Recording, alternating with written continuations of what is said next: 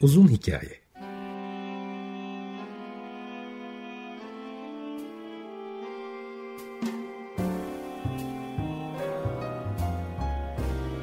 Sinir bilim, psikoloji, felsefe ve müzik.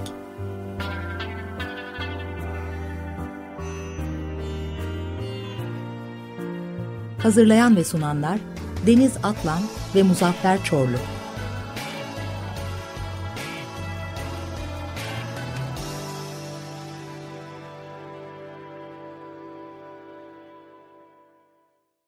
...95.0 Açık Radyo'dan, Açık Radyo.com.tr ve onun uzun hikayesinden herkese selamlar tekrar. Bundan 6-7 e, ay öncesinde yazın program yapmaya çalışmıştık.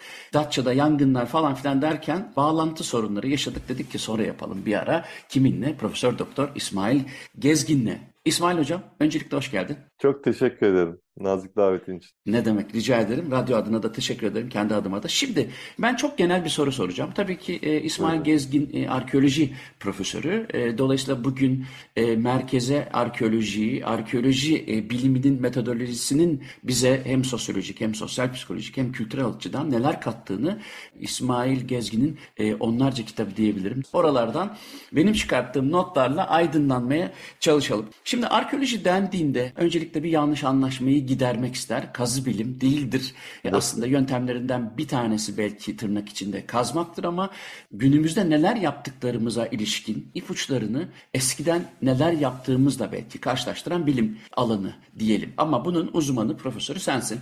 Çok kısaca e, arkeoloji dediğimiz zaman aklımıza gelmesi gereken doğru kapsam nedir? Ve de Türkiye'den bahsedelim. Türkiye'deki arkeoloji farkındalığı ve ilgisi nedir? Özellikle Göbekli Tepe'nin e, çok büyük bir e, yankı yaratmasıyla birlikte bu farkındalığın arttığından da bahsedebilir miyiz? Böyle başlayalım dilersen. Evet yani arkeolojiyi tabii kısaca tanımlamak biraz zor aslında ama şöyle başlayabilirim sanırım. Ee, kendisini araştırma nesnesi haline getirmiş bir canlının kendi geçmişini e, bilme arzusunu kontrol eden ve bu arzudan e, ortaya çıkan e, bir disiplin olduğunu söyleyebilirim. E, şöyle bir cümleyle daha açayım e, istersen daha anlamlı olur diye düşünüyorum. Çünkü insan aslında tarihsel bir varlık haline gelmiş. En azından son 10 bin yıldır işte Göbekli Tepe sürecinden bu tarafa tarihsel bir varlık haline gelmiş. Yani geçmişle gelecek arasında sıkışmış ya da geçmişle gelecek arasında hareket eden, düşünsel olarak, zihinsel olarak hareket eden bir canlı haline gelmiş. Sürekli belki de o tarımsal kültürün getirdiği bir şeyle hep gelecek için çalışıyoruz. Yatırımlarını hep geleceğe yapan, sonuçlarını gelecekte gören, görmek üzere emek veren insanın bu motivasyonu e, aldığı yerin geçmiş e, olduğunu söyleyebiliriz. Dolayısıyla e, insanın belki de e, insan olmasını sağlayan e, ya da insanın insanlık yolunda ilerlemesini sağlayan en önemli şeylerden biri olan bilme ve geçmişi bilme e, misyonunu üstlenmiş olan e, bir disiplindir e, diyelim kabaca. Hı hı. Evet, Türkiye'de arkeolojiye gelince arkeoloji de Türkiye'de de çok ilgi gösterilen bir alan aslında. Yani bir arkeolog olarak nereye gitsem e, müthiş yoğun bir ilgiyle karşı karşıya kalıyorum. Çünkü coğrafya olarak biliyorsunuz çok e, arkeolojik açıdan şanslı bir coğrafya. Boş bir e, toprak parçası neredeyse yok. Yani nereye e, gitsek, hangi köye, hangi kırsala uğrasak hemen e, işte bizim tarlada ya da bizim köyde diye başlayan işte bir, bir taş bulunmuştur, bir, bir şey olmuştur, bir işaret vardır, bir yıkıntı vardır vesaire herkesin neredeyse ilgisini çeken bir alan. E, fakat tabii bu ilgi iyi yönetilmediği için, iyi yönetildiğini düşünmüyorum. Yani bir arkeoloji politikası olduğunu düşünmüyorum. Bu ilgi iyi yönetilmediği için e, daha ziyade e, ya mistik şey, şeylere, sonuçlara doğru e, yol almış ya da daha çok eski eser kaçakçılığı üzerinden hareket eden bir ilgi olmuş e, diyebilirim. Ama son zamanlarda 80'lerden sonra zaten arkeoloji biliminin gözle görülür bir yükselişi vardı. Bunu da belki de işte Türkiye'nin de e, serbest piyasa ekonomisiyle küreselleşmeye dahil olma çabasının da etkili olduğunu söylemek mümkün elbette. E, bu süreç içerisinde biraz daha bir yükseliş var yani arkeolojiye daha entelektüel ve daha akademik bakış açısından bir yükseliş olduğunu, bir ilgi olduğunu söylemek e, mümkün ki tabii ki Göbekli Tepe ve etrafında bulunan diğer yerleşimler de çok sansasyonel. Dünyanın hiç beklemediği gerçekten e, düzeyde yerleşimler. Onlar da e, bu e, ilgiyi biraz daha körüklemiş gibi görünüyorlar. Şimdi tabii senin e, kitaplarına baktığımız zaman her ne kadar gene merkeze arkeolojiyi koysak da çok geniş spektrumda konuları ele alman çok renkli bir hale getiriyor bütün e, yazdıklarını. Bana göndermiştin ta o zaman e, uygarlaşan iştah. Bakış açını o kitap e, bazında söylüyorum. Diğerlerini e, okumadığım için bilmiyorum ama bakış açını aşırı derecede e, yani pozitif anlamda söyleyeyim çok beğendim. Çünkü evet, neden? E, bizim rica ederim. E, çünkü burada geniş perspektiften bakıyor olmak aslında konuyu bazı yerlere sıkıştırmıyor. Örneğin uygarlaşan iştah bile sadece sinir bilime kadar, e, sosyal psikolojiye, e, ritüel e, dünyasına bizi götüren e, aslında her gün yaptığımız yemek yeme eyleminden geçmişten günümüze neleri çıkarabileceğimizi de sınıfsal ayrılıkların ta binlerce yıl öncesinden nasıl da sofrada klasifike olduğuna ilişkin bir sürü ipucu veriyor. Dilersen aslında e, son çıkan kitabın Gılgamış sanırım değil mi? Evet, e, evet. E, ona geliriz ama dilersen bu benim hazır okuduğum kitaplarından biri olduğu için oradan gitmek istiyorum. O da insanın yemek yiyişiyle ilgili olarak e, bir belgesel seyretmiştim. Bizi biz yapan yemekleri pişirmemiz midir? E, oradan başlayarak oldukça e, sinir bilimsel ve psikolojik çıkarımlar yapılıyordu. Örneğin et yemeyle e, şiddet ya da ataerkilik arasındaki ilişkiler gibi ya da işte günümüzün en azından 1-2 bin yıldır tahıl merkezli yemeğe geçiş gibi. Buradan baktığımızda önce o, o soruyu direkt sorayım. Bir arkeolojik perspektiften bakıldığında et yemeyle insan şiddeti arasında bir ilişki sizin dünyanızda, perspektifinizde var mı? Nasıl yorumluyorsunuz? Ee, şimdi bir cümle öncesinden alayım ben yine. Ee, arkeolojiyi tanımlarken belki de söylenmesi gereken en önemli şeylerden bir tanesi e, çok disiplinli bir alan olması, sınırlarının muğlak olması. E, bunlar üzerine vurgulanması gereken şeylerden bir tanesi. Çünkü tek başına arkeoloji disiplini geçmişi aydınlatacak, insan geçmişine dair veri üretecek e, bir alan değil ya da çok sınırlı kalır eğer böyle olursa. Sizin de söylediğiniz gibi şimdi yemek yemek meselesi mesela arkeolojinin temel meselelerinden bir tanesidir. Ama hangi alanla ilişkili değildir ki zaten yemek yemek meselesi değil mi? Yani hem biyolojik olarak hem e, sinir sistemimiz hem e, işte zihinsel, e, düşünsel yapımız, e, hareketimiz, gündelik yaşamımız her şeyimizle ilişkili. O yüzden biraz daha geniş bakmaya çalışıyorum. E, mümkün olduğunca tabii yani kendi e, kapasitem e, ölçüsünde. Çünkü biliyorsunuz bu alanlar tek başına bile zaten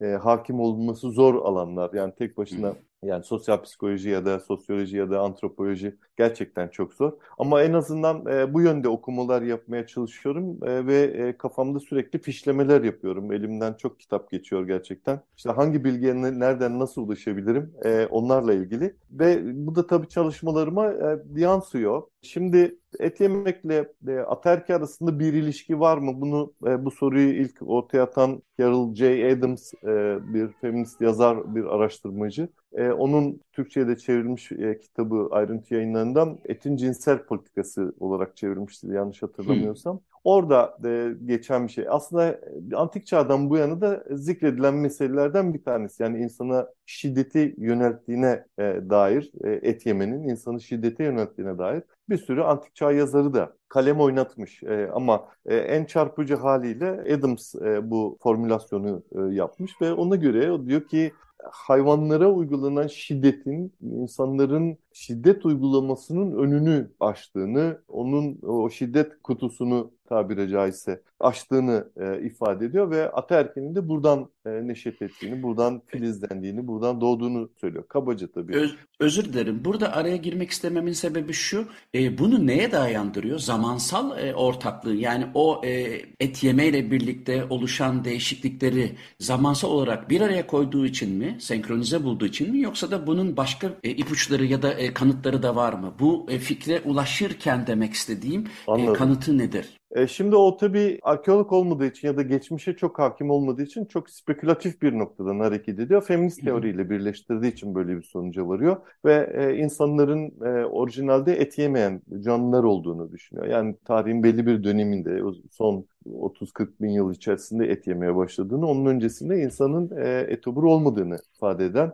e, bir e, iddia ile başlıyor. Ama tabii bu iddia doğru değil. Yani bugün işte e, et yemek üzerine ya da insanın pişirme davranışı üzerine özellikle hayvansal e, gıdaların e, pişirilmesi davranışı üzerine şöyle bir kısaca açıklama yaptığımız zaman yani pek çok şey görüyoruz ki neredeyse milyon yıla kadar giden bir süreç var e, geride. Kaldı ki insan atasının mesela buradaki en ilginç noktalardan bir tanesi insanın kuzenleriyle diyelim o şempanzelerle ortak atasının vejeteryan olması enteresan ama e, biz insanı hani iki ayakları üzerinde duran ve işte alet yapmaya başlayan canlı olarak e, tanımlarsak eğer nereden bakarsanız 4 milyon yıla yakındır insanın az ya da çok e, işte etrafında bulunan canlıları besin kaynağı olarak kullanmaya başladıklarını biliyoruz, görüyoruz. Yani bu geçişin nasıl olduğu e, sorusu tabii ki önemli bir problem işgal ediyor. Çünkü yani 4 milyon yıl önce insan hani bu şeyden nasıl çıkmış, e, vejeteryanlıktan ve nasıl e, omnivor bir beslenmeye e, geçmiş. Bu tabii tartışılıyor ama e, işte küçük böcekler yakalayabildiği yani çünkü e, en eski en erken insanların avcı olduklarını da söylemek mümkün değil. Çünkü herhangi bir alet edevatları bu konuda kendilerine kolaylık sağlayacak herhangi bir şey yok. O yüzden hani sürecin en azından 4 milyon yıldır neredeyse insanın da bu tür bir beslenme sisteminin olduğunu e, gösteren verilerle e, dolu bir literatür var. Tabii ki Adams'ı burada çok doğrulayan bir, bir, bir şey yokmuş gibi görünüyor ama geldiği yer ya da iddia ettiği şey gerçekten çok çarpıcı ve ben üzerinde durulması gerektiğini düşünüyorum. Doğru olduğunu düşünüyorum. Çünkü hani insan evet e, belki çok eskiden beri hayvan tüketiyor idi. E, hayvanı bes, besinde kullanıyor idi. E, fakat özellikle şiddetin uygarlık öncesinde ya da uygarlıkla birlikte başlayan bir süreç olduğunu, daha artan bir süreç olduğunu hatta giderek e, insanın yaşamının merkezine e, yerleşen bir süreç olduğunu söylemek mümkün. Savaş burada başlıyor mesela işte cinsiyet rolleri açısından e, insanların iki cinsiyette toplanma çabası, baskısı e, ve bu konuda uygulanan şiddet, e, efendim işte birlikte yaşamın getirdiği o yasalar dünyasının e, insanı sınırlayan e, şiddeti, e, bir sürü sınıfsal şiddet mesela tabakalanmış e, toplumsal yapı, sınıflanmış toplumsal yapı e, bunların hepsi aslında bu süreçle ortaya çıkan e, bir şey ve bu, bunun tabii en önemli bileşenlerinden bir tanesi de evcilleştirme. Yani hayvanlarla insanlar arasındaki bu ilişki e, biçimi başlangıç için çok belki şiddet görünmüyor ise e, dahi her geçen e, gün hayvanlar ve insanlar arasındaki ilişki daha şiddete dayanır olmuş. Bugün geldiğimiz noktada mesela endüstriyel hayvan üretimine baktığımız zaman e, aslında ne demek istediğim daha net ortaya e, çıkıyor. Yani belki de hayatlarını birleştirmiş canlılar. Çünkü canlılar biliyorsunuz evrenin içerisinde tek başına var olmazlar. Onlar bir e, birlikte evrimsel sürecin içerisinde dostlarıyla ve düşmanlarıyla birlikte var olurlar. Ve tarihsel sürece baktığımızda da bir sürü canlı hayatta kalabilmek için tabii ki ortaklaşmış düşmanlarına karşı e, bir takım işbirliğine e, gitmişler. E, zaten insanı da insan yapan ya da her türlü canlıyı kendisi e, yapan ilişkilenme biçimi de bu. E, bu yüzden e, gelinen noktaya baktığımızda başlangıç için belki çok net konuşmasak bile gelinen noktaya baktığımızda gerçekten hayvanlar ve insanlar arasındaki ilişkinin e, şiddeti normalleştirme konusunda, şiddeti e, yayma konusunda daha toplumsal bir e, unsur hale getirmesi konusunda e, bize sağlam doneler sunuyor. Yani benim düşüncem en azından bu. Dolayısıyla biz bu meseleyi daha ciddi düşünmeli ve de üzerinde biraz daha e, durmalıyız e, diye düşünüyorum. Yani bir taraf tutmak gibi bugün biraz sosyal medyadan takip etmeye çalışıyorum bu meseleyi. Taraf tutmak gibi değil de gerçekten hem geçmişe hem e, günümüze hem de geleceğe e, dair daha ciddi bir, bir düşünme e, biçiminde yaklaşmamız gerektiğini düşünüyorum. Şimdi o e, uygarlaşan iştahtan e, konuya gelmeden önce eklektik bir bilim olduğunu ve de diğer e, bilim dallarıyla ilişkisinin muğlak olduğunu ki bu çok renkli bir hale de getiriyor e, evet. aslında e, mevzuyu. Tabii oradan e, uygarlaşan iştahta işte hayvan yemeyle beraber şiddeti, ataerkilliği ve de e, kadın erkek farklarının en azından sosyal sınıflar farklarının daha da abartılı bir şekilde birbirinden ayrıldığı noktaya geldiğin anda da senin diğer bir kitabın tekrar e, o da Fallus'un arkeolojisi Değil mi? Evet.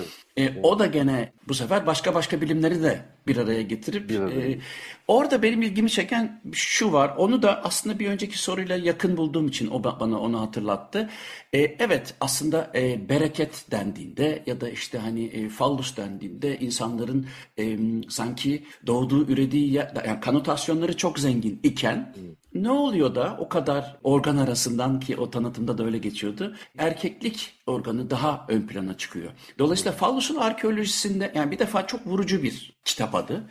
Bu bakış açısından gerçekten de kitabı okumadığım için eksik sorabilirim ama en azından şunu biliyorum. E, orada altı çizilen şeylerden bir tanesi zihinsel bir kayma. Fallus'tan daha başka, daha çok erkeği öne çıkaran bir sembolik kayma var. Anadan ataya ya da işte babaya, erkeğe doğru. Bunu arkeoloji perspektifinden nasıl görüyorsun? Çünkü bu daha çok e, hem sosyal psikolojinin hem antropolojinin e, bir konusu. Fakat evet. arkeolojiyi merkeze koyduğumuzda man perspektifimiz nereye doğru gidiyor? Evet. Neden? Faldus simgesel olarak önemini erkeğe göre yitirme eğiliminde. Ee, şimdi şöyle yani yitirme eyleminde mi onu da söylemek belki ne kadar doğru e, bilemiyorum ama şöyle kısaca açıklamaya çalışayım. Esasında ben benim Fallus'la karşılaşmam diyelim psikanalizle e, gerçekleşen Hı-hı. bir şeydi. Yani biliyorsunuz Freud'dan itibaren tartışılan meselelerden bir tanesidir. Hı-hı.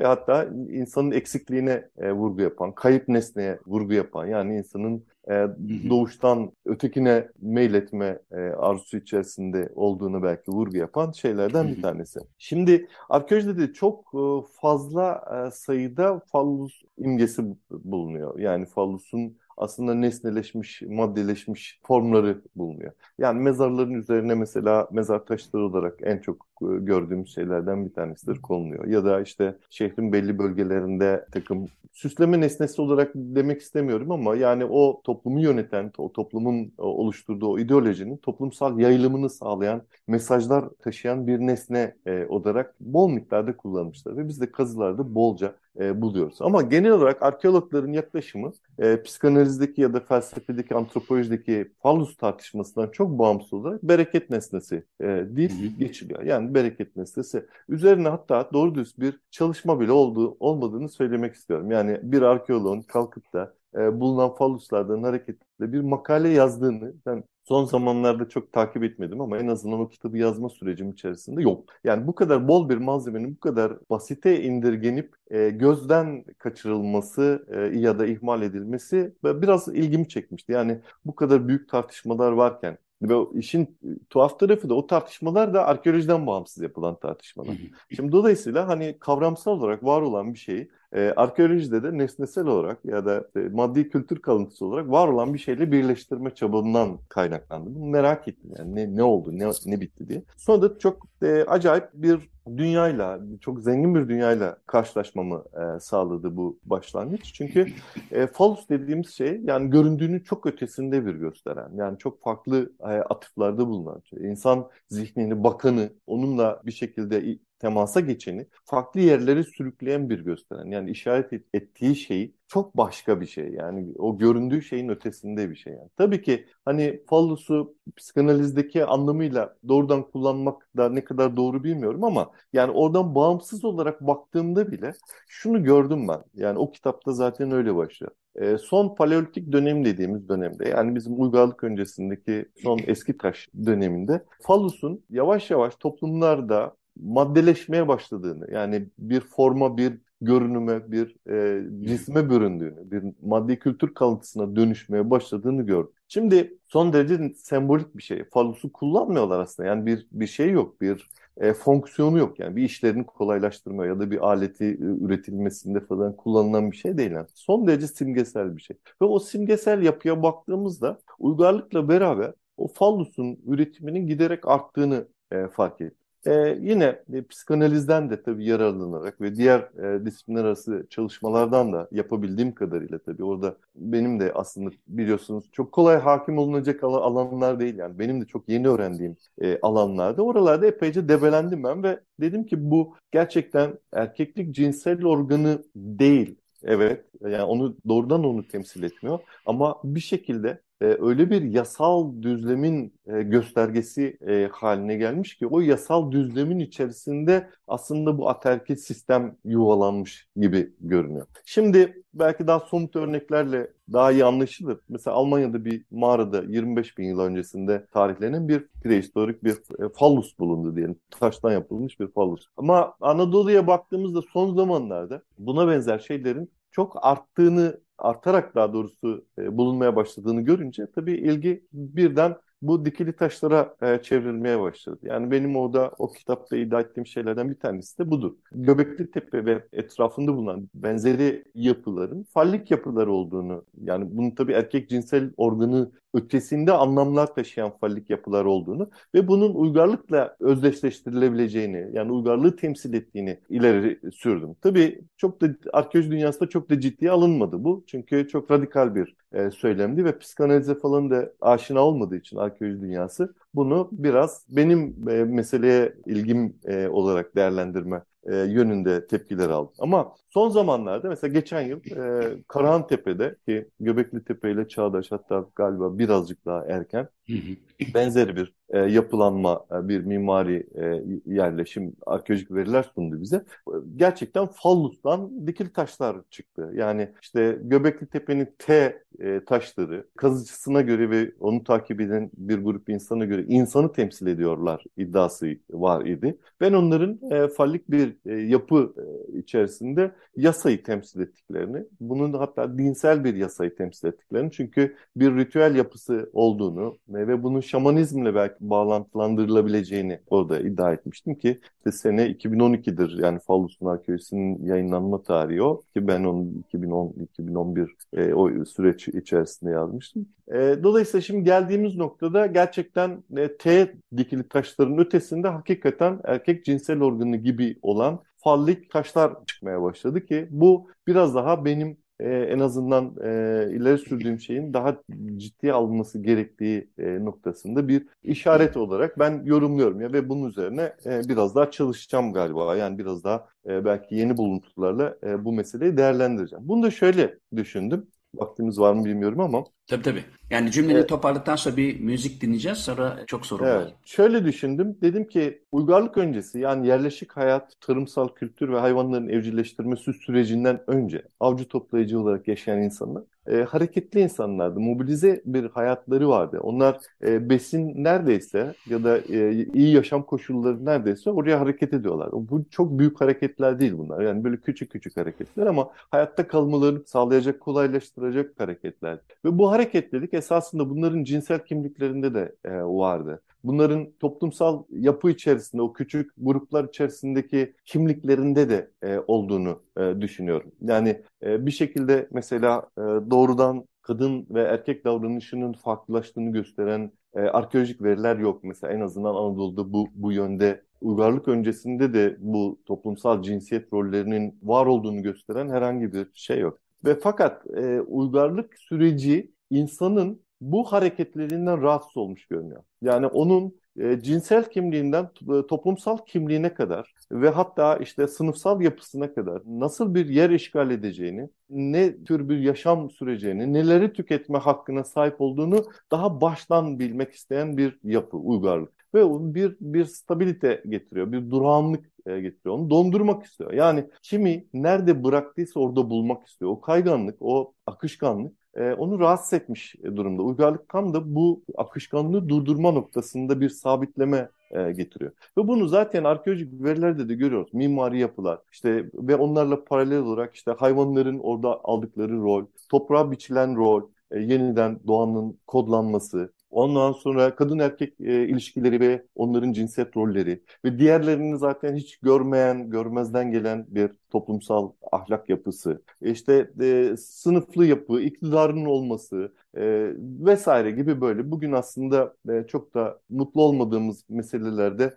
e, bir başlangıç oluşturacak pek çok şeyin e, nedenini bu yasal düzenleme ya da bu yaşam biçiminin değişikliğine bağlıyor. Ve bunun simgesi olarak da fallusu görüyorum. Yani bunun daha doğru olduğunu e, düşünüyorum. Yani bir yerde bir fallus varsa orada bir yasa söz konusudur ve o yasa değişik şekillerde siyasi iktidarı da temsil ediyor olabilir. Çünkü bunun sonunda bu uygarlığın belli noktalarında gerçekten si siyasetin sahiplerinin kendilerini fallik unsurlarla e, resmetmeye başladıklarını ya da temsil etmeye başladıklarını görebiliyoruz. Yani işte sağa sola fallik şeyler diktiklerini ve onların onun onların iktidarını temsil ettiğini de e, görebiliyoruz. Ama e, onun ötesinde gerçekten toplumun üzerinde bütün bir yaşamın bütün bireyleriyle nasıl yaşanacağını işaret eden, dikte eden bir yasa e, olduğunu düşünüyorum bu fallik unsurların. İşte hani dedim ya gastronomiyle arkeoloji birleşince e, uygarlaşan e, iştah şimdi de tabi biraz psikanalizle arkeoloji birleştiğinde de işte e, Faldus'un e, arkeolojisi ortaya çıkıyor. Şimdi bir Miles Davis'den Kind of Blue'yu dinleyelim. Sonra devam edeceğim ama şunu söylemek istiyorum. Her bir kitabından onlarca program çıkarılabilirken e, İsmail Gezgin'in ben onlarca kitaptan bir program yapmaya çalışıyorum. Takdir ederseniz ki o yüzden hemen bir sonraki e, soruya geçme eğilimim bu. Ama e, bugün şöyle bir 6-7 kitap çerçevesinde biraz sohbet edelim. Belki daha sonraki programlarımızda her bir kitabı tek tek alırız. Çünkü benim de gerçekten özellikle çok ilgi duyduğum alanlar olduğu için. Miles Davis, Kind of Blue dinleyelim devam edeceğiz. Miles Davis Kind of Blue'yu dinledik. İsmail Gezgin, Profesör Doktor İsmail Gezgin'le birlikte onun kitaplarını ve o çerçevede de sohbet ediyoruz. 95.0 Açık Radyo'dayız. Şimdi Sanatın Mitolojisi kitabına geçelim. Oradan da bir soru soracağım. Çünkü orada da gene bu sefer belki felsefenin ve e, sanatın arkeolojiyle birleştiği nokta oluyor orada da. Şimdi sanat bir psikolojik ihtiyaçtan kaynaklanmıştır gibi bir hani tanıtımda da yazan bir cümle var. Fakat bu cümle hemen hemen mesela bizim içinde yani psikoloji dünyasında da sanat dünyasında da üzerinde evet doğrudur gerçekten de sanat ya da soyutlama bir psikolojik ihtiyacın hatta ondan da öte belki ayakta kalmamız için gereken bir adaptasyonun sonucu. Evet bu artık günümüzde tartışılmıyor. Fakat senin kitabında bu perspektiften bakarak biz e, miti ve mitosu anlıyoruz. Dolayısıyla buradan bakıldığında yani senin pencerenden bakıldığında sence neden bir psikolojik ihtiyaçtan kaynaklanıyor sanat? Şimdi biliyorsunuz hani kabaca söylemek gerekirse Platon'un bir mağara metaforu var. O mağarada hani böyle kabaca tarif etmek gerekirse yine e, işte zincirlenmiş ya da bağlanmış oturan mahkumlar diyelim.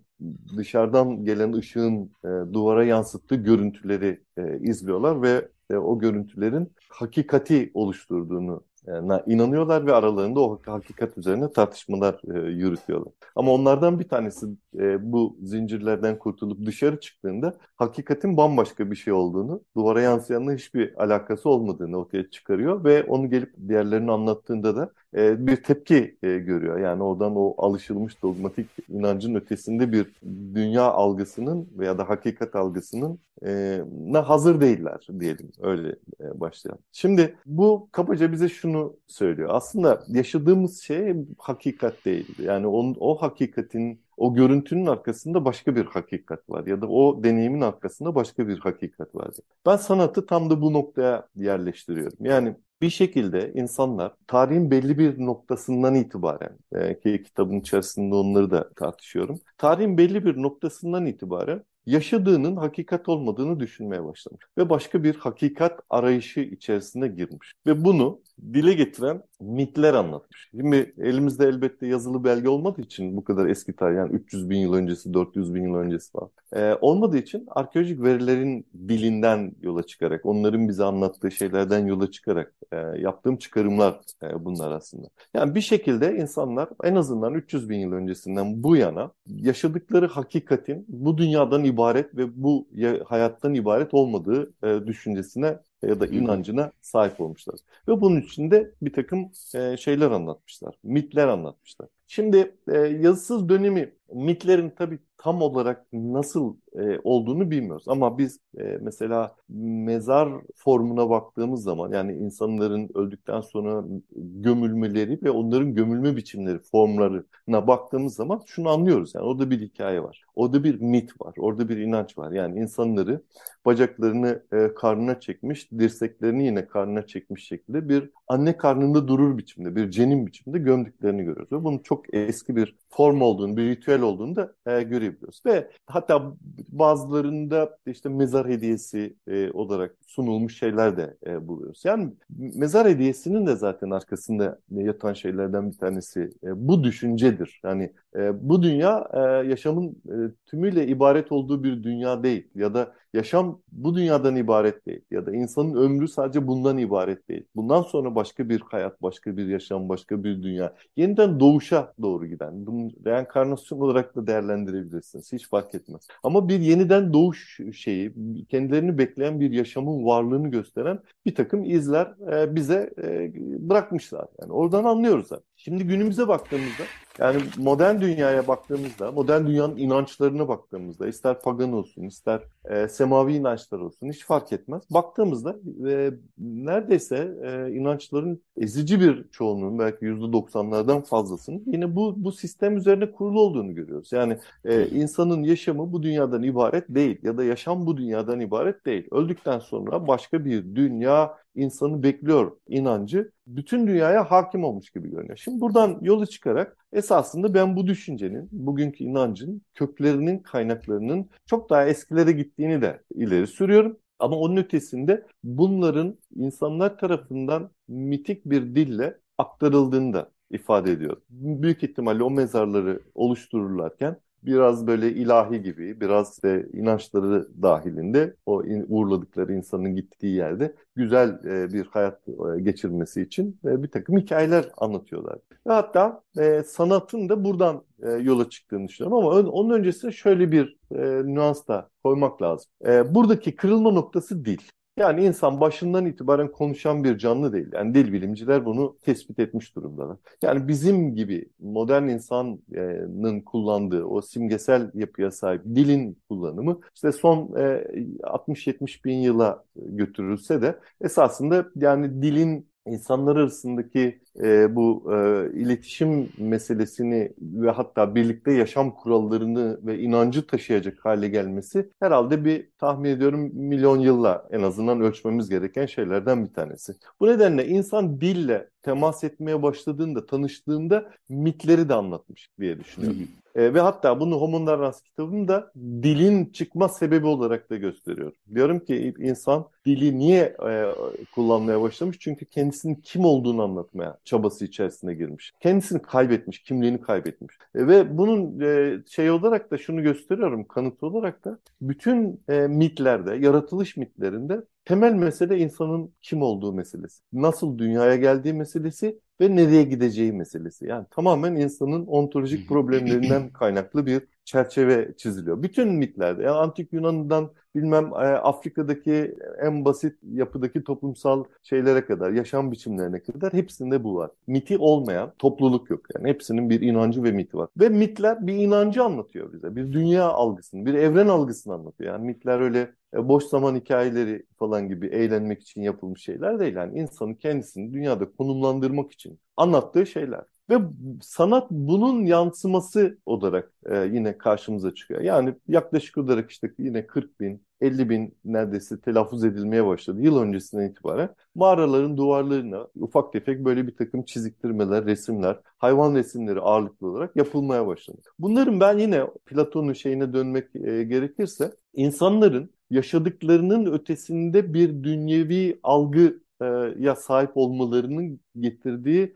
bir sonuç olarak e, görüyorum. Yani zihinsel kodlarıyla yaşadıkları uyuşmuyor. Dolayısıyla o zihinsel kodların peşinden giderek başka bir gerçekliğin e, mümkünlüğünü göstermeye çalışıyorlar. Ve sanat bu anlamıyla aslında dinsel e, bir başlangıca e, sahiptir ve ilk kez mitleri anlatır. E, o mağaraların duvarlarındaki resimler insanların inançlarına dair bir takım sahneleri anlatır. Bunun e, da şöyle bir örneğini veriyorum. Diyorum ki e, elimizde İncil'in olmadığını düşün. E, yani İncil'e dair hiçbir şey bilmiyoruz. Kiliseyi buluyoruz. Duvarlarında bir sürü resimler var. Değil mi? Hatta ikonoklazm dediğimiz bir dönem var. İkonların yasak olduğu bir dönem. İncil'in bir takım sahnelerini ya e, bitkisel ya da hayvansal bir takım figürlerle temsil etmeye başlamışlar. Mesela İsa yapmıyor da balık yapıyor gibi ya da işte ya da son maymun. akşam yemeği yerine bir tane horoz yapıyor. Mesela işte horoz ötene kadar e, o son akşam yemeğinde geçen bir diyalogdan kaynaklı falan. Şimdi biz elimizde İncil olduğu için bunların ne olduğunu, insanların zihinlerindeki hangi tarihsel veriyi ya da inancı harekete geçirecek e, simgesel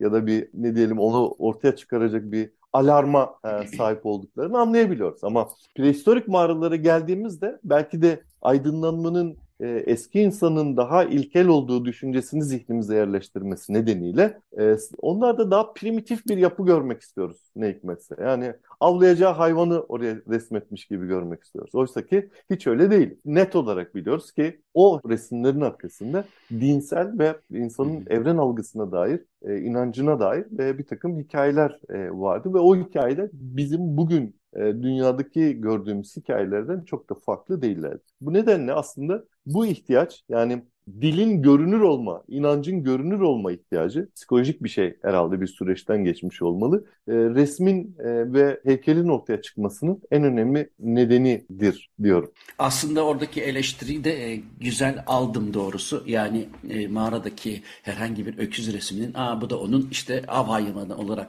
görünmemesi gerektiği genelde de öyle görülüyor.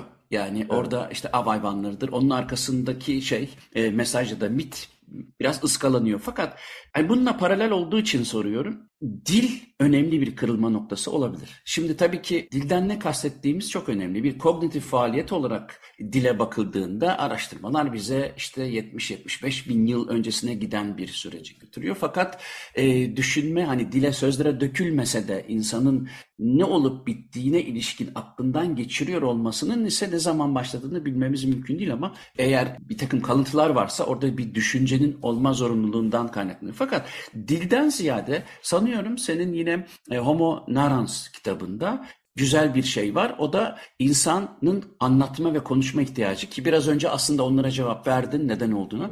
Fakat anlamadığım, anlamak istediğim bir nokta var orada. İnsan neden konuştukça konuşlanıyor, neden yerleşiyor, yerleşik düzene geçiyor? O bağlantıyı benim aydınlanmamı sağlar mısın? Ben orayı tam anlayamadım. Şimdi konuşmak dilin yasalarıyla olan bir şey. Sen daha iyi biliyorsun meseleyi. Yani bir dilin yörüngesine girdiğin zaman aslında kendini ifade etmiyorsun demektir. Kendi taleplerini dile getirmiyorsun demektir. O dilin senden istediği talepleri e, dile getiriyorsun. Yani o toplumsal yapı. Dil esasında bir iletişim aracından çok, insanlar arasındaki teması kuran iletişim aracından çok e, bir eğitim aracıdır. İnsanları hizaya sokan, onları e, belli sınırların içerisinde tutan yasal bir düzendir. Yani dili istediğiniz gibi eğip bükemezsiniz. Değil mi? Ya da istediğiniz gibi kullanamazsınız. Yani şu anda bile toplumsal e, yapı bizden bir bir dil bekliyor. Bu dilin dışına çıktığımız anda hemen herkes radyolarını kapatırlar. Hiç hoşlarına gitmeyecek şeyleri kimse duymak istemez. Bu aslında bu da tabii bir şiddet unsuru e, olarak e, görülebilecek bir şey ama bu aslında dilin fonksiyonunun ne olduğunu gösteriyor. Yani insanın birey olmasında, insanın özne olmasında, yani ister psikanaliz sürecinden bakın, istersen felsefi süreçten bakın hiç fark etmez. E, konuşmak onu topluma bağlayan ve o toplumsal yasa içerisinde yer almasını e, sağlayan ya da hangi noktada yer tutacağını belirleyen e, unsurlardan bir tanesi. Ne söylediğimiz, ne yaptığımız, hangi düşünceyi, hangi inancı, hangi ideolojiyi dile getirdiğimiz. Çünkü ideolojik bir unsurdan bahsediyoruz veya ya aynı zamanda e, içinde bulunduğumuz kültürün, o dil dünyasının bütün ideolojik unsurlarını taşıyan bir şey. İnançlarını taşıyan bir şey yani. Dolayısıyla dili nasıl kullanıyorsak aslında toplumsal e, yapı içerisindeki yerimizi de o şekilde belirliyoruz ya da garanti altına alıyoruz diye düşünüyorum. Bu yüzden e, hani insan konuştukça o e, öznelik makamı çerçevesinde hani biraz daha Foucault'cu bir anlamda e, kullanıyorum toplumdaki konumunu da belirlemiş oluyor. Yani konuştukça konumlanmamız hikayesi biraz böyle hmm. sembolize ettiğimiz bir hikaye. Ama genel olarak bu tabii bireysel bir bir şey, bir yaklaşım. İnsanın dili kullanması yani tür olarak insanın dili kullanmasına baktığımızda da orada da şunu görüyoruz. İnsanın varlık dünyasında e, ya da bu dünya içerisindeki yaşamın e, neresine kendisini konumlayacağını belirleyen şeylerden bir tanesi haline gelmeye başlıyor. Çünkü insanın ne konuştuğuna baktığımızda en eski mitlere, inançlara baktığımızda şunu görüyoruz yani. İnsan belli bir noktadan itibaren yani mesela antik Yunan e, için rahatlıkla söyleyebiliriz. Mesela insan kendisini Zeus'un kendi görünümünde yarattığını düşünüyor. Yani tanrısal bir cisme, bir görünüme sahip olduğunu e, düşünen bir var. Şimdi bu esasında insanın diğer canlılar dünyası içerisinde, etrafında gördüğü şeyler, o ilişkiler dünyası içerisinde kendisini daha iyi bir konuma yükseltmesini sağlıyor ve bu onu eşrefi mahlukat yapıyor. Ve o yüzden mesela e, erken Yunan sanatında insanı betimlemek, Tanrı'yı betimlemek kadar önemli bir şey ve ideal üslup dediğimiz bir üslup kullanılıyor. Çünkü hani insanın kaşı gözü bilmem e, sağ solu normatif şeyin görünümün dışına çıkabiliyor biliyorsun. Değişik nedenlerle, genetik aktarımlarla vesaire. Ama bakıyorsun e, o, o dönemin betimlemelerine insanlar mükemmel şekilde, ideal şekilde resmediliyor ya da ideal şekilde yontuluyor, heykelleri yapılıyor. Yani odan anlıyorsun zaten yani. Yani insan dediğimiz şeyin aslında toplumsal yapı içerisinde o her şey insandır insan içindir e, diyebilecek hiyerarşiyi yaratmak için bu hikayeyi e, dile getirmiş, anlatmış gibi görünüyor. Dolayısıyla doğa üzerindeki hakimiyetini, doğa üzerine uyguladığı şiddeti ve diğerler üzerine uyguladığı şiddeti de bir şekilde tanrılar katında, göksel güçlerin nezaretinde kanıt olarak göstermiş oluyor yani. İşte ben Tanrı'nın yeryüzündeki temsilcisiyim diyor. Dolayısıyla her şey benim için, istediğim her şeyi yapabilirim diyor. Çünkü benim için yaratılmıştır onlar e, deme e, cüretini kendisinde e, buluyor. Ve onun getirdiği e, bir dünyayla karşı karşıyayız bugün işte bu, bütün bu ekolojik felaketler.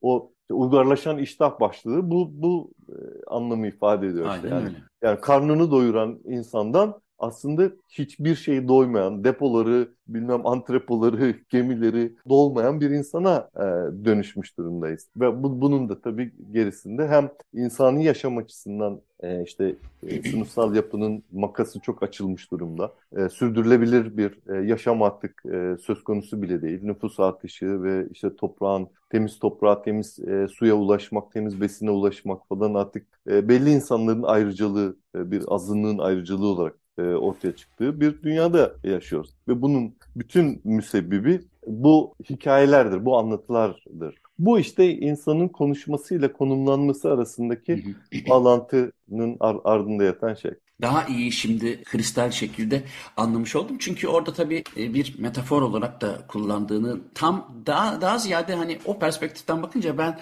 yerleşik toplumlara geçiş sürecindeki konuşma, kanun yapma, kanun koyma dolayısıyla örgütlenmeyle bir bağlantının ötesine de geçtiğin için e, daha iyi anladım şimdi. Son soruyu, son konuyu son kitabına bağlayacağım ama şöyle geleyim. Önce hem psikanalizin hem felsefenin hem sanatın e, dilemmalarından bir tanesi insanın ölüm ile olan ilişkisi. Şimdi en eski yazılı metinlerden bir tanesi en azından edebi olarak Gılgamış. Bu da senin e, son kitabın. Evet. E, adı da Gılgamış zaten değil mi? Evet, Ama evet. şimdi orada Gılgamış'ın Sümer kralı ya da Uruk kralı mı? E, Uruk kralı. Uruk kralı e, Gılgamış'ın ölümle hesaplaşması mı diyelim ya da işte ölümsüzlüğü bulma isteği mi diyelim. Orada gene Homo sapiens'e bir atıfta bulunarak Homo sapiens'in aslında bir özetini anlatan bir metin gibi e, yansıtılıyor ya da belki sen öyle yansıtıyorsun. Şimdi evet. ölümden kaçışın yolu da tekrar trajik şekilde e, ölüme geri dönüyor. Bütün bunları ben duyduğum zaman ne Gılgamış'tan ne de e, bu tür bir metinden haberdar olarak çok ortak bir konuyu çok ortak bir perspektiften görüyorum. E, o yüzden insanın Homo sapiens'in, e, insanın derken Homo sapiens'ten ayırdığım için demiyorum ama en azından Hadi diyelim ki son 50 bin yıllık, 100 bin yine kognitif kırılmayla başlatalım. Tamam. Homo sapiens olmak zorunda da değil tabii. Neandertal, deniz oval insanı vesaire vesaire de olur ama en azından kognitif kırılmadan sonrasından bahsediyorsak insanın ölümle imtihanı ve de onun işte bundan 4000 yıl önce yaklaşık e, yazılmış olan e, Gılgamış'la ilişkisini bir e, belki de hani gene merkeze arkeolojiyi koy, koyarak senden dinleyelim. Hem de evet. bu arada son kitabından da bahsetmek istersen o da çok yerinde olur. Şimdi başlarda konuşmuştuk ya mezar buluntularından söz etmiştim. O mezar buluntularının bize anlattığı e, en önemli şeylerden bir tanesi yine insanın ölüme karşı bir direnişi, bir, bir bulduğu bir çözüm gibi başka bir dünyanın icadı, ölümsüz bir dünyanın icadı. O yüzden de mezara yeniden doğmak üzere anne karnındaki cenin gibi e, gömüldüğünden e, söz etmiştim. Yani bu esasında insanın ölümlü dünyada e, yaşayan insanın e, ölüme bir türlü ölüm bilgisiyle, öleceği bilgisiyle bir türlü uzlaşamadığını gösteren önemli şeylerden bir tanesidir. Ve bunun tabii yazılı dönemde de pek çok örneğini görüyoruz. Yani Gılgamış bunların en eskisi e, olduğu için belki bir arketip e, muamelesi yapıyorum ona ya da şeyin Homo sapiens'in başından itibaren ortak arzusunu dile getiren, e, onu sembolize eden, o arzuyu sembolize eden bir öykü olduğunu ileri sürüyorum. Ve yazılı dönemden itibaren de pek çok örnek var ki insanın arzusu ölümsüzlüğe doğru. Yani bugün hala bu aslında. Yani gündelik hayatımızda bunu çok düşünmesek bile.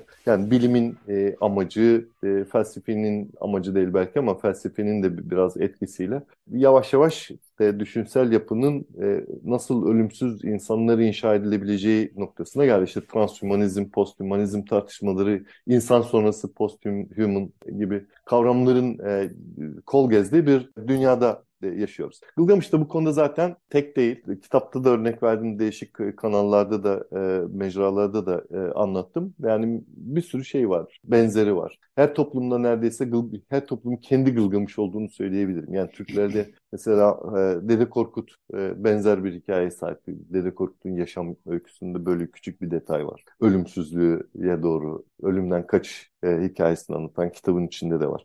İşte ne bileyim e, şeye baktığımız zaman e, Antik Yunan'a falan baktığımız zaman orada da yine e, pek çok örneğini bulabiliyoruz ki Asklepios örneği bunun en önemli şeylerinden bir tanesidir. Ölümsüzlüğü keşfeden hekim olarak sonradan tanrısallaştırılmıştır. Ölümsüzlüğü keşfeden bir hekim olarak kendisini e, göstermesi. Ya da işte ne bileyim Doğu metinlerinde falan da çok fazla vardır. Mesela işte e, Büyük İskender'in ölümsüzlük arayışı falan gibi böyle İskendername gibi böyle eserler.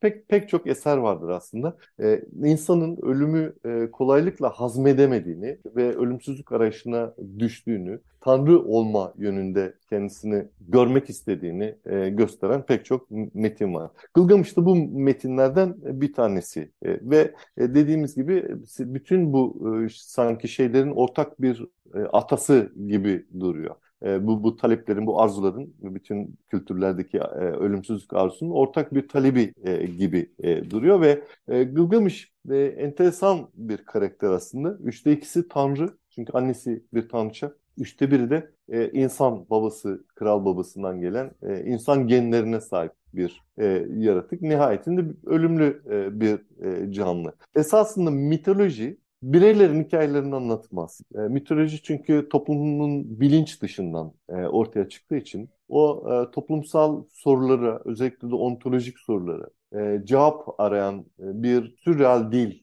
e, dünyasıdır diyelim. E, o yüzden de orada bir karakter geçse dahi, bir kişinin isminden hareketle bir hikaye anlatılsa dahi o aslında toplumun zihnindeki sorulara cevap arayışı olduğu için e, bir kolektif bir e, hikayedir. Yani bir bir kişinin değil bir toplumun hikayesidir diye okumamız e, gerektiğini düşünüyorum. Kaldı ki gerçekten bir kişinin hikayesi toplumu çok da ilgilendirmez. Hadi kendi toplumunu ilgilendirdi Gılgamış'ın Uruk kentindeki insanları şey yaptı. E, çağlar geçmiş hala biz Gılgamış'la uğraşıyoruz. E, kendi döneminde de yani Hititlerde de kendinden sonra gelen işte Akkadlarda, Asurlarda yani o Mezopotamya kültürünün neredeyse hepsinde ve hatta Antik Yunan'a kadar giden bir etkileme, etkileme alanı var. Hepsinde bir şekilde onun e, ortaya koyduğu o e, mücadelenin yansıdığını görüyoruz.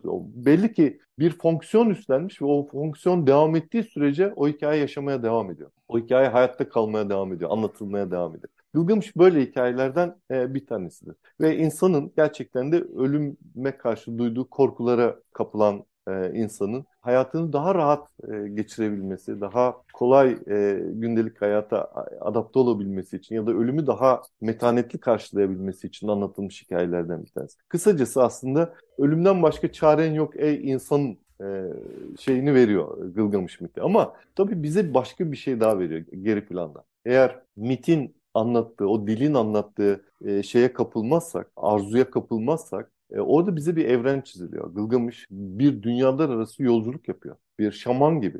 Başka dünyaya geçiyor. Ve o iki dünya arasında bir su var. O suyun üzerinde iletişimi sağlayan bir kayıkçı var. O dünyaların suyun ötesinde olan cennet diye e, tabir edebileceğimiz ya da cennetle birleştirebileceğimiz olanın içinde ölümsüz insanlar yaşıyor. Öldükten sonra oraya gitmiş insanlar yaşıyor. Yani buradan aslında bakıyoruz bizim bugünkü inançsal dünyamızdan çok farklı bir dünya bize sunmuyor. Antik Yunan'a bakıyorsun mesela orada da işte bir bu dünyayla Tartaros arasında Hades arasında bir nehir var ve o nehirde Haron isimli bir kayıkçı var. Ve o kayıkçı geçiriyor e, ruhları karşı tarafa. O kayıkçı geçirmezse zaten gidemiyorsun. Bu tarafta kalıyorsun, zombileşiyorsun. O yüzden öyle baktığımız anda bizim aslında insanın, modern insanın e, ya da bu e, kültürü yaratmış olan Akdeniz uygarlığının temelini oluşturan o ataerkil, o monarşik, o e, inançsal evrenin ve siyasal evrenin aslında bir e, arketipi olarak Gılgamış'ı değerlendirmemiz gerek. Yani kralların tanrılardan el aldığını, onların yeryüzündeki temsilcisi olduğunu, onların e, her türlü hakka sahip olduklarını, sınıflı toplum yapısının e, değiştirilemez olduğunu, tanrıların bir yasası olduğunu, dolayısıyla kaderine, hani amor fati diyorlar ya,